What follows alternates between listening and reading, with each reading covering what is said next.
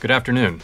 The committee raised the target range for the federal funds rate by one quarter percentage point and anticipates that ongoing increases in the target range will be appropriate.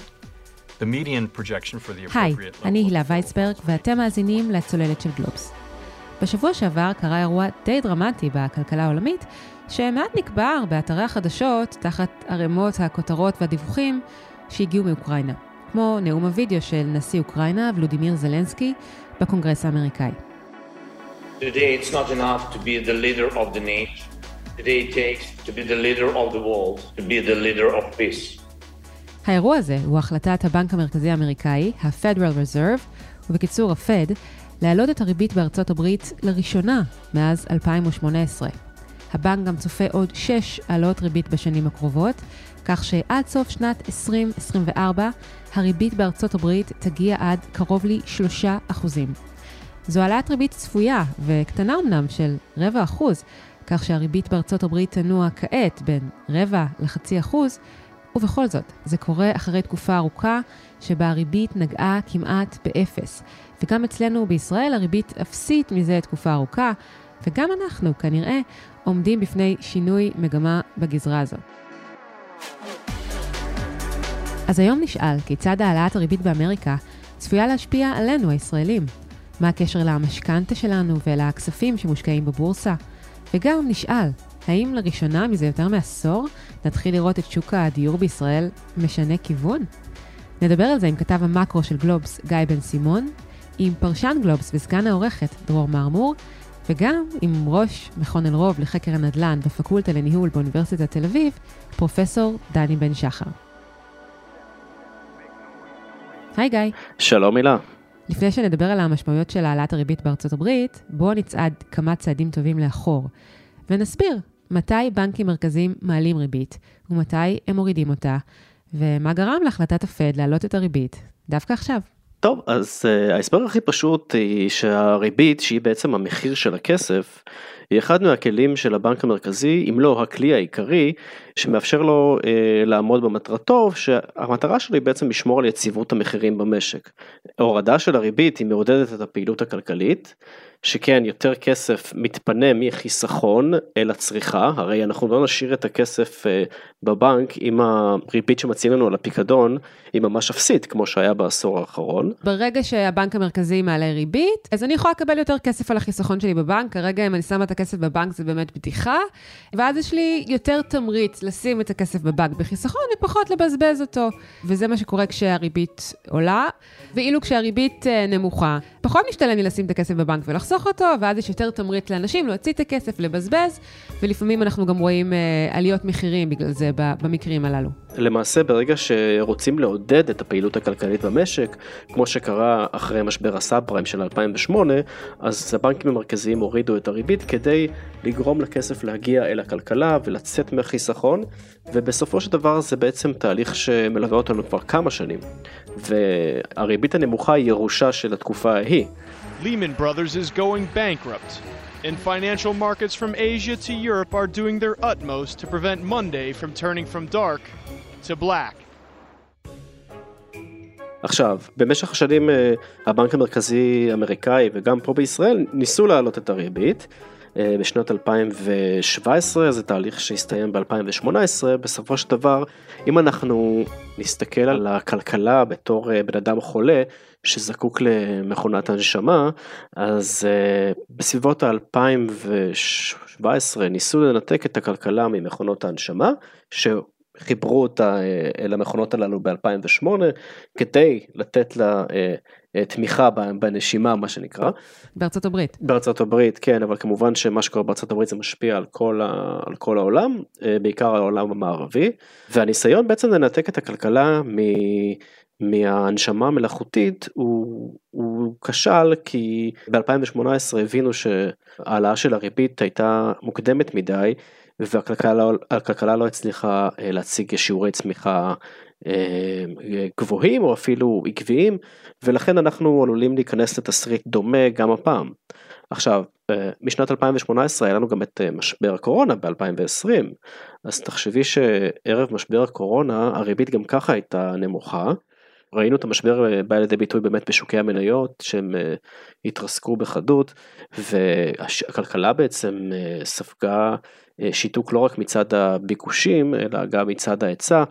אה, שאילצו את חנויות אה, להישאר סגורות, אה, נמלים הפסיקו לעבוד והחזרה שלהם לפעילות הייתה יותר קשה, שאחר כך ראינו את זה מתבטא בשיבושי ההיצע, אז בעצם החוסר איזון בין הביקוש לבין ההיצע שראינו בשלב מאוחר יותר, קדם לו הרבה זריקות מרץ מצד הבנקים המרכזיים, בין אם ההורדה של הריבית לרמה אפסית, בין אם זה היה בתוכנית רכישות אגרות החוב.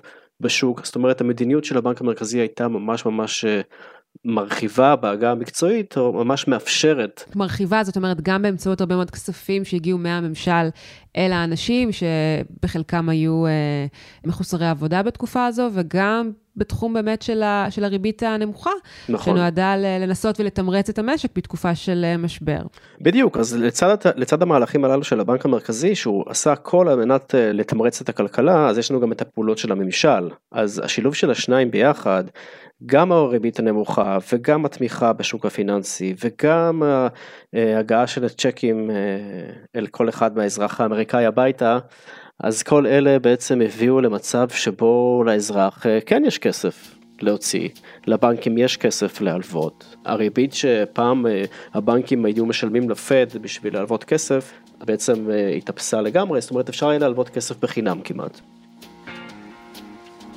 טוב, אז תכף אנחנו נדבר על המורכבות הזו, כשמצד אחד אנחנו רואים, כן, שיש עליות מחירים, ומצד שני עדיין איזושהי האטה, אנחנו תכף ניגע בזה, אבל בעצם בואו נסביר מה גורם לכך שהפד מחליט לאחר תקופה ממושכת לקטוע את המגמה הזו של ריבית נמוכה ולהעלות ריבית. טוב, אז במילה אחת אינפלציה, אבל אה, מה שקדם לה, אז באמת כל התוכניות האלו, גם של האוצר וגם של הבנק המרכזי, הביאו למצב שיש כסף להוציא, אבל אמרנו שיש עוד שיבושי היצע בגלל הקורונה, עדיין היה קשה לנמלים לחזור לעבודה, וגם כשהם חזרו אז נוצרו אה, צווארי בקבוק שהשפיעו על שרשרת האספקה הגלובלית, אז בעצם הביקוש הכבוש שבכל תקופת הקורונה אה, לא בא לידי ביטוי, ויצא לעולם עם השתחררות הסגרים, אה, בעצם פגש עולם עם אה, הרבה פחות היצע של מוצרים, ולכן ראינו עליית מחירים. כי בעצם אנחנו מדברים כאן על תקופה שהיא מורכבת, כאשר מצד אחד משבר הקורונה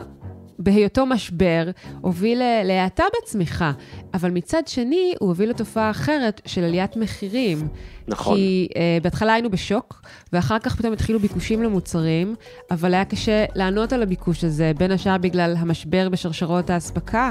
זאת אומרת, אה, תובלה ימית שלא הצליחה נכון, לענות כן. על הביקושים ולהביא את הסחורות אל המדינות השונות, וסיבות נוספות, מתחילה עליית מחירים, כלומר אינפלציה ברחבי העולם. יש כאן כאילו כוחות אה, מנוגדים. בוא לא נלך כל כך רחוק, בוא נלך אלינו, אנחנו למשל אה, המשכנו לעבוד מהבית, המשכנו לקבל שכר מצד אחד, יש אה, אנשים כמובן שנאלצו לסגור את מקומות העבודה שלהם, הם קיבלו תמריצים מהממשלה, אבל בסופו של דבר בתמונה הכללית הייתה פגיעה, אבל ממש פגיעה מועטה לעומת כפי שחשבו, ועוד יותר כשהגיעו הנתונים אחרי שהערפל התפזר, אז ראינו שהפגיעה למעשה הייתה ממש מזערית, המשק רשם התכווצות של אולי 2%, החיסכון של משקי הבית עלה לשיא, זאת אומרת כולנו יצאנו בסופו של דבר עם uh, קצת יותר כסף בכיס, איך שלא נסתכל על זה. במקרה הקיצון אנשים שנפגעו הם קיבלו תמריצים מהממשלה והם לא הגיעו לפשיטת רגל, לחרפת רעב, לשמחתנו. וברגע שעלויות התובלה מהצד השני בעצם עולות בעולם, ואגב אנחנו יכולים לראות את זה בחברת צימה ישראלית ש, שעכשיו מככבת בכותרות כי היא נהנית מעליות אה, מחירים בתעריפי ההובלה. בדיוק עסקנו בנושא הזה בפרק האחרון של הצוללת, אתם מוזמנים להאזין. איך הפכה צים לחברה הרווחית ביותר בישראל? זה, סיפור שילמדו אותו וכבר לומדים אותו, כי הרי עד לא מזמן אה, עולם הספנות לא היה כל כך אטרקטיבי, ודווקא עכשיו שיבושי ההיצע אה, העולמיים, ואגב גם המלחמה באוקראינה צפויה להוסיף לזה עוד קצת אה, שמן למדורה, אנחנו נדבר על זה בהמשך. ואת יודעת, הבנק המרכזי בארצות הברית הסתכל על העליות מחירים שנרשמה כמשהו שיחלוף. אם מסתכלים על זה בראייה של כמה שנים אז הוא אומר טוב היו פה שיבושי היצע מתישהו זה יתיישב יבוא על כנו ההיצע ידביק את הביקוש מתישהו זה יעבור, אין צורך לפעול עכשיו להעלאת הריבית, ומעבר לכך, אם נעלה את הריבית, זה לא מה שיפתור את בעיית אה, שרשרת האספקה העולמית. שהיא זו שהביאה לעליית מחירים. אולי תיתן לנו טיפה את הנתונים, זאת אומרת, אנחנו מדברים על אינפלציה, מה מצב האינפלציה עכשיו אה, בארצות הברית, מה מצב האינפלציה בישראל, ומה אנחנו רואים גם בגזרת הצמיחה. האינפלציה בארצות הברית היא בחודש האחרון הגיעה ל-7.9 אחוז, שזה משהו שהוא אה, ממש אה, יוצא דופן, הרי אינפלציה עד לפ... בתקופה הזאת שבין 2008 ל-2020 הבנקים המרכזיים היו מתפללים לאינפלציה של 2% אה, כי, כי זה כן מסמן על, אה, על התפתחות בריאה של הכלכלה אבל ברגע שזה יוצא מה, מהגבול הזה ש, שאותו הגדירו אז זה קצת מעלה חששות שאת יודעת הכותרות יביאו לעוד עליות מחירים וכך הלאה זה יכול לצאת משליטה. אמ, בישראל לעומת זאת האינפלציה ממש נמוכה יחסית לעולם, אבל יחסית אה, אל עצמנו אנחנו חרגנו מהיעד של בנק ישראל אה, לפי חוק.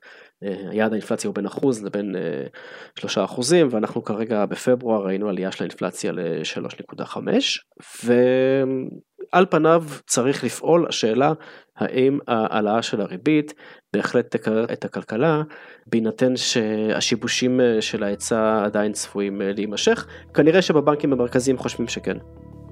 אז רגע, לפני שאנחנו מגיעים לעוד, אה, לעוד אלמנט שמוסיף עוד קושי לסיפור הזה, המלחמה באוקראינה, המחירים עולים, אז מה? מה אכפת לי? זאת אומרת, למה זה כל כך, למה זה דורש התערבות, מצב של עליות מחירים? כדי שזה לא יצא משליטה, כי צריך לצנן את, ה, את, ה, את הטמפרטורה של הכלכלה, בוא נגיד ככה, כדי שהיא לא תרתח עד כדי, אם נדמה את זה לסיר, אז כדי שהסיר לא יגלוש, uh, יבעבע עד כדי גלישה ונאבד ככה uh, מים לתבשיל שלנו, בוא נגיד. שערך הכסף בעצם לא יישחק, ואנשים יתקשו לשאת את כובדם של המחירים. בדיוק, הרי האינפלציה שוחקת את ערך הכסף, וזה לא ממש... טוב לכלכלה כי בסופו של דבר הערך של כל מה שאנחנו בעצם מכירים יורד בין אם זה השכר שאנחנו מקבלים או אה, את יודעת אם ניקח דוגמה קצת אה, מצחיקה עצובה במשק הישראלי שנרשמה אמנם העלאת שכר מינימום אבל גובה ההעלאה הוא הרבה יותר נמוך מגובה האינפלציה. על פניו כולם אה, את יודעת ההסתדרות יודעת להגיד הנה השגנו לכם איזשהו הישג אבל אם נסתכל על הנתונים אנחנו נראה שהעלאה של השכר היא הרבה יותר נמוכה מהעלייה של האינפלציה, זאת אומרת שגם אם העלו את שכר המינימום, האינפלציה תשחוק את השכר בגובה העלאה שבוצעה ומעבר לכך. אוקיי, okay, ואז פורצת המלחמה באוקראינה, ומה התוצאות שלה? כיצד היא משפיעה על המחירים? המלחמה באוקראינה בעצם הביאה לזינוק חד במחירי הסחורות החקלאיות, בעיקר בתחום האנרגיה ובתחום החיטה. קודם כל רוסיה ואוקראינה הם יש להם נתח די משמעותי על אה, שוק החיטה העולמי, וכמובן שרוסיה היא גם ספקית אה, של אה, נפט. יש לה נתח של 11% מהתפוקה העולמית.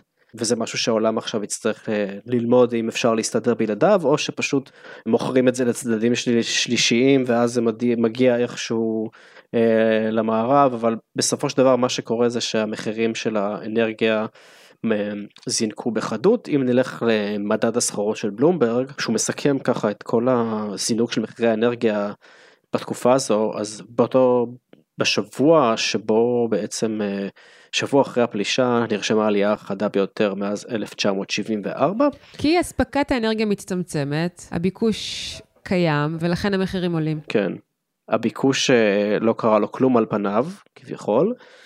אה, כי הביקוש כל הזמן משתנה, אנחנו עכשיו יודעת, את יודעת, יש כותרות אה, בסין על התפרצות מחודשת של הקורונה, ויכול להיות שזה יביא להאטה בביקושים, ובהמשך לכך לירידה של אה, מחיר הנפט. מצחיק אם בסוף הקורונה תציל אותנו בעקיפין כן. בתחום צריכת האנרגיה.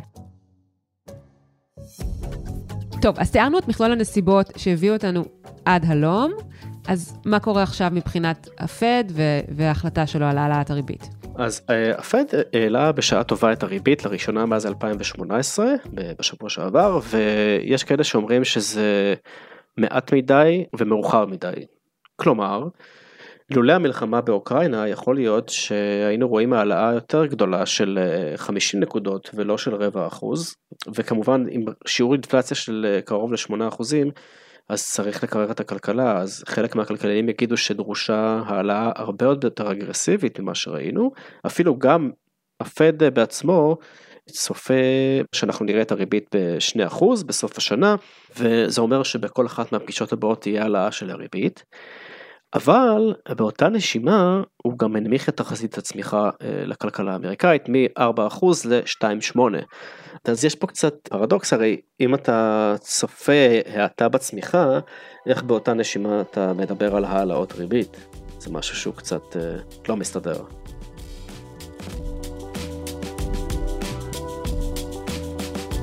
וכל זה נכרך באיזשהו מושג שאנחנו שומעים אותו הרבה אה, בתקופה האחרונה, אל תיבהלו, אנחנו נסביר את זה בפשטות, מה שנקרא סטגפלציה, שילוב שבין האטה לבין עליות מחירים, אינפלציה. האם אנחנו כבר שם, או שחוששים מכך שנהיה שם?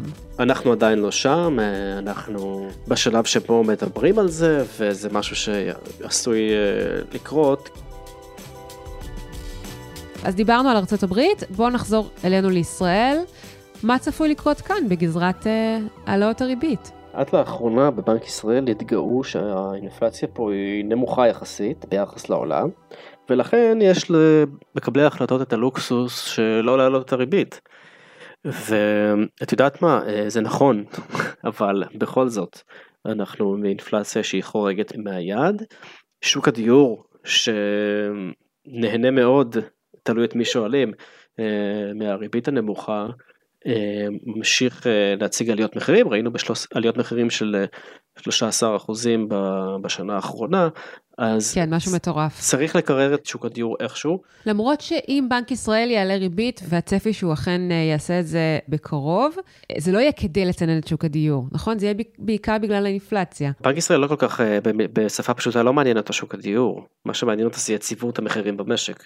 ואם הרעה תבוא מכיוון שוק הדיור, אז הוא יצטרך לטפל בזה בדרך כזו או אחרת, אבל בעיקרון בשוק הדיור הבעיה המרכזית היא שהיא בעיית היצע, וכל עוד בעיית ההיצע אה, לא תיפתר, אז זה לא משנה אפילו אם יעלו את הריבית אה, אה, לרמה הרבה יותר גבוהה, אנחנו לא, לא, לא נראה ירידות מחירים, כי בסופו של דבר אנשים צריכים לגור איפשהו, והם יכולים לשלם על זה כל סכום.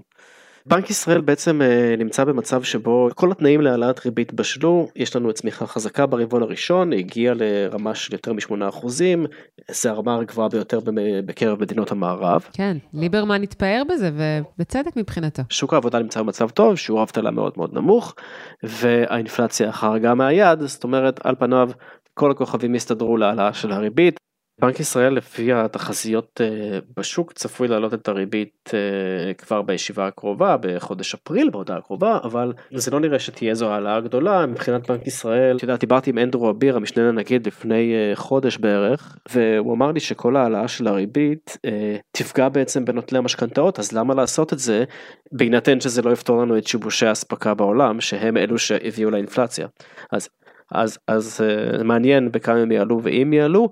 אני חושב שלמרות שכל הכוכבים הסתדרו הם מבחינתם אה, חיכו לבנק המרכזי בארצות הברית ואני חושב שהם אולי ימשיכו לראות איך הם מקבלים שם את ההעלאה הזאת בארצות הברית ואם הוא לא ייסוג ממנה. איך העלאת הריבית הזו הצפויה פוגשת אותנו, הציבור הרחב? אם ניקח למשל תרחיש של אה, העלאת הריבית פה בישראל, היא עדיין תהיה נמוכה, אבל אם נלך טיפה לקיצון, במיטב דש ראיתי שבדקו הבוקר מה יקרה אם הריבית תעלה באחוז. הם מצאו שעלייה של אחוז בריבית תוביל לגידול בהחזר החודשי של המשכנתאות הקיימות בכ-250 שקל בממוצע ללווה. זאת אומרת שסך ההוצאה השנתית הנוספת של כלל נוטלי המשכנתאות צפויה להסתכם ב-2.9 מיליארד שקל. וואו. כן, זה סכום לא קטן. אז רגע, 250 שקל בממוצע לחודש. זאת אומרת, ברמה השנתית אנחנו מדברים כבר על uh, סכומים משמעותיים.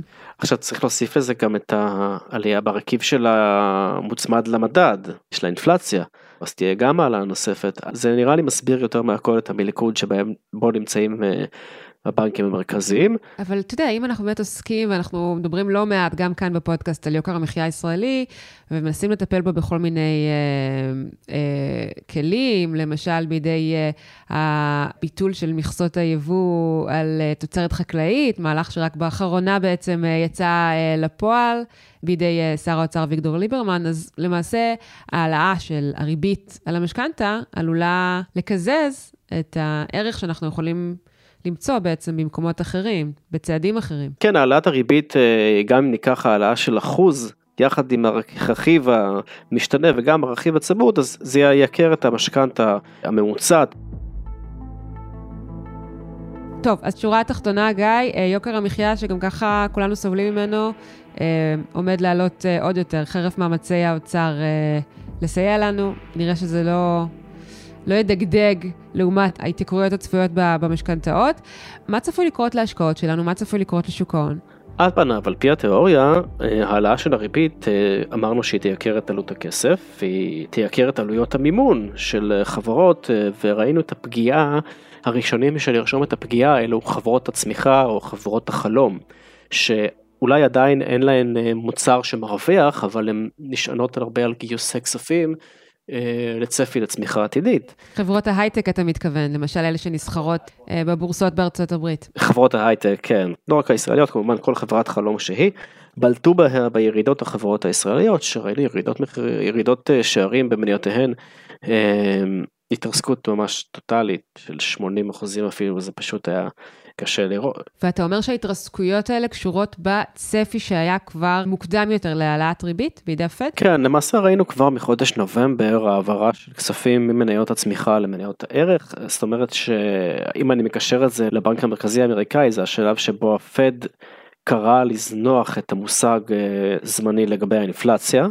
זאת אומרת זה הרגע שבו הוא אומר חבר'ה טעיתי במילים אחרות האינפלציה לא זמנית אני הולך לטפל בה ולטפל בה זה אומר בדרך של העלאת ריבית והעלאת ריבית זה אומר לייקר את עלויות המימון לחברות והראשונות לספוג אלו היו חברות הצמיחה שנשענות בעיקר הן רגישות לייקור של עלויות המימון כי כמובן הגיוסים אם שמת לב קצת אה, רשמו האטה בחודשים האחרונים כל העלויות המימון יקרו להן את הפעילות וזה משהו שיכול להרוג חברות. אוקיי, okay, אז בעצם מה שאתה אומר זה שהעלאות ריבית מגדילות את העלויות, עלויות התפעול של החברות, דבר שעלול לפגוע בצמיחה שלהן, ולכן זה אה, פוגע בשווקי המניות. אבל מצד שני, ראינו מיד אחרי ההכרזה של אה, פאוול דווקא זינוק בשווקים. איך זה מוסבר? אה, אני חושב שזה מוסבר אם נלך למשפט ההוא שדיברנו עליו, שהפד בעצמו צופה, הוא הנמיך את תחזית הצמיחה. אז אם הבנק המרכזי בעצמו הנמיך את תחזית הצמיחה, איך, זה יתפ... איך, איך ייתכן שהוא צופה העלאות ריבית בקצב כזה גדול? זאת אומרת שלפני שהעלאות ריבית כל כך אה, אגרסיביות יגיעו, ככל הנראה יגיע מיתון, ואמרנו כמובן ששוק ההון צופה קדימה, ואז הוא צופה שהבנק המרכזי יצטרך לעשות משהו כדי להימנע ממיתון, וזה שוב מתדלק את אה, את שוקי המניות. בקיצור, הוא לא כל כך מאמין לצפי של פאוול. כן, אה, אומרים שהוא איחר את הרכבת בגדול. בעצם אנחנו לא צפויים לראות כנראה העלאות ריבית אה, כל כך משמעותיות כפי שהוא עצמו צופה. בדיוק. אז אה, אי אפשר לדעת גם מה יקרה לשווקים ולהשקעות שלנו כרגע. כן, בדיוק, זה משתנה בכל יום, בכל רגע, חשוב לציין. אנחנו נהיה שם כדי לסקר את זה כמובן. בדיוק, גיא וסימון, זה היה ניתוח מרתק, תודה רבה ונמשיך ונעקוב. תודה רבה, אלה. לפני כמה שבועות ראיינתי את פרופסור דני בן שחר, ראש מכון אלרוב לחקר הנדל"ן באוניברסיטת תל אביב, לפרק 154 של הצוללת. הוא עסק בשאלה שעניינה אתכם מאוד, במה יותר כדאי להשקיע, מניות או דירות? ואז דיבר פרופסור בן שחר על כך שאומנם ב-15 השנים האחרונות שוק הנדל"ן הרותח הפך את ההשקעה בו למשתלמת במיוחד, אבל הוא גם הזכיר שהיו תקופות אחרות, ואפילו לא כל כך מזמן, שבהן היו דווקא ירידות מחירים. לכן התכנסנו שוב לשיחה קצרה כדי להבין איך בעיניו העלאת הריבית הצפויה של בנק ישראל כעת עשויה להשפיע על שוק הנדל"ן הישראלי, ובתוכו גם על הזוגות הצעירים. היי דני. אהלן. אז מה אתה אומר? מה, מה עומד לקרות uh, כעת בעיניך, לאור uh, העלאת הריבית הצפויה? אני חושב שאולי הדבר המשמעותי ביותר שצריך לשים לב אליו זה מה שנקרא יכולת לרכוש דיור בישראל. זאת אומרת, אנחנו כבר מתחקים אחרי היכולת לרכוש דיור בישראל שנים רבות, אנחנו רואים, חווינו עליית מחירים אה, דרסטית במהלך של כעשור משנת 2007. אה, הייתה התמתנות מסוימת ואנחנו רואים שוב בשנה האחרונה, לפי דיווחי הלמ"ס, עלייה של 13% במחירי הדירות. זאת אומרת, אם ראינו דירה, מחיר של דירה ארבעה חדרים ממוצעת בישראל בסדר גודל של 2 מיליון שקל לפני שנה, היום המחיר גבוה יותר מ-2.2 מיליון שקל. זאת אומרת, מחירי הדירות כבר עלו. עכשיו, בנוסף לזה גם תעלה ריבית המשכנתה, ואני אומר, ייתכן שבשוליים עליית ריבית המשכנתה תצנן במשהו את הביקושים, אבל אני לא רואה, לאור הביקוש, עודף הביקוש על ההיצע, אני לא רואה איך היא תגרום לאיזון מחדש באופן שנסיגות הדיור תתגבר. אני רואה את בעיית נסיגות הדיור כבעיה משמעותית של אותם משקי בית שירצו להיכנס לשוק הנדל"ן והם רק יראו את הקושי הזה גובר. פרופסור דני בן שחר, תודה רבה. תודה, תודה.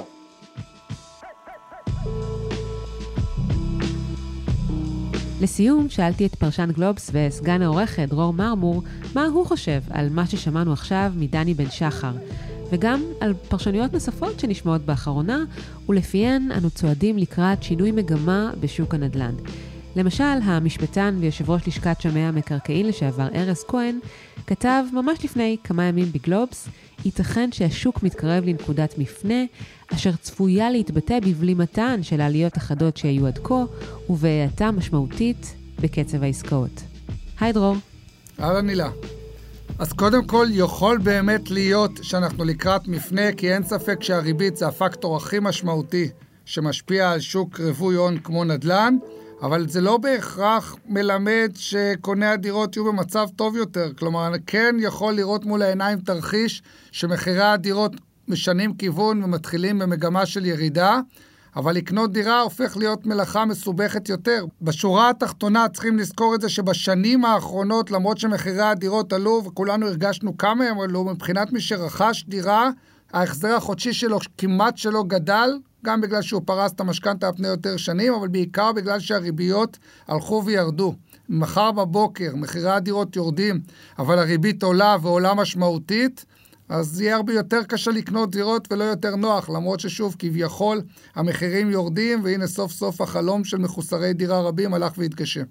אז אתה מסכים פחות או יותר עם הפרשנות של אה, פרופסור בן שחר, אז אילו טיפים אנחנו יכולים לתת אה, לזוגות צעירים שעומדים בפני רכישת דירה? אז קודם כל אני חושב שמי שנכנס לבנק למשכנתאות, הבנקים למשכנתאות מאוד התאהבו, וגם לנו אולי היה קל להתאהב בסיפור הזה שמחלקים את המשכנתה לשלוש, והישראלים אוהבים שמחלקים להם כל דבר לשלוש. ומסלול אחד זה כמובן בריבית הפריים, כי ריבית הפריים, בואו נזכור, היום זה מסלול מאוד מאוד נוח, ריבית בנק ישראל היא 0.1% בלבד, עוד שליש צמוד למדד. כי פריים, למי שלא יודע, זו ריבית בנק ישראל ועוד 1.5 אחוז. נכון. אז ריבית בנק ישראל כבר הרבה מאוד זמן על 0.1 אחוז, אנחנו מוסיפים לה את הפריים אחוז וחצי, זה 1.6, ואפילו מזה היה אפשר להוריד קצת. עוד שליש, אנשים אהבו. מה זה אהבו? את יודעת, אנחנו רואים את המשכנתאות הממוצעות, לקחו בצמוד מדד.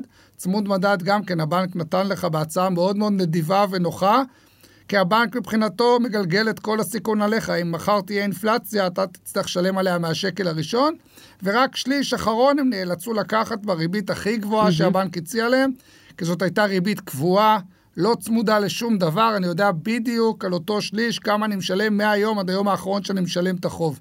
אז ההמלצה שאפשר להגיד לאנשים, לא לפחד שאותו שליש יקר כביכול, להגדיל אותו קצת יותר, כי זה השליש הכי בטוח שלכם. אנחנו נכנסים לתקופה שללא ספק תהיה פה אינפלציה. סביר מאוד להניח שבעקבות האינפלציה בנק ישראל יצטרך להגדיל את הריבית כדי לאזן את אותה אינפלציה, ואתם תחטפו את זה בהחזר החודשי. הבנק יגיד לכם, יישב מולכם פקיד, ויגיד לכם, בואו, בניתי לכם את המסלול עם ההחזר החודשי הכי נוח. הוא לא יגיד לכם מה יקרה אם האינפלציה מחר קופצת ל-2, 3, 4 ו-5 אחוז, קחו בחשבון שאת ההחזר החודשי שלכם זה יגדיל, ולכן תנסו לקחת כמה שיותר במסלולים הקבועים והלא צמודים. הם כביכול יקרים יותר, אתם תראו החזר חודשי ביום הראשון גבוה יותר, אבל קחו את זה בחשבון שמבחינתכם החזרתם את הסיכון אל הבנק. כנראה זה עצה לא רעה בתקופה כזאת של אי ודאות גדולה כל כך. דרור מרמור, תודה רבה. תודה לך, הילה.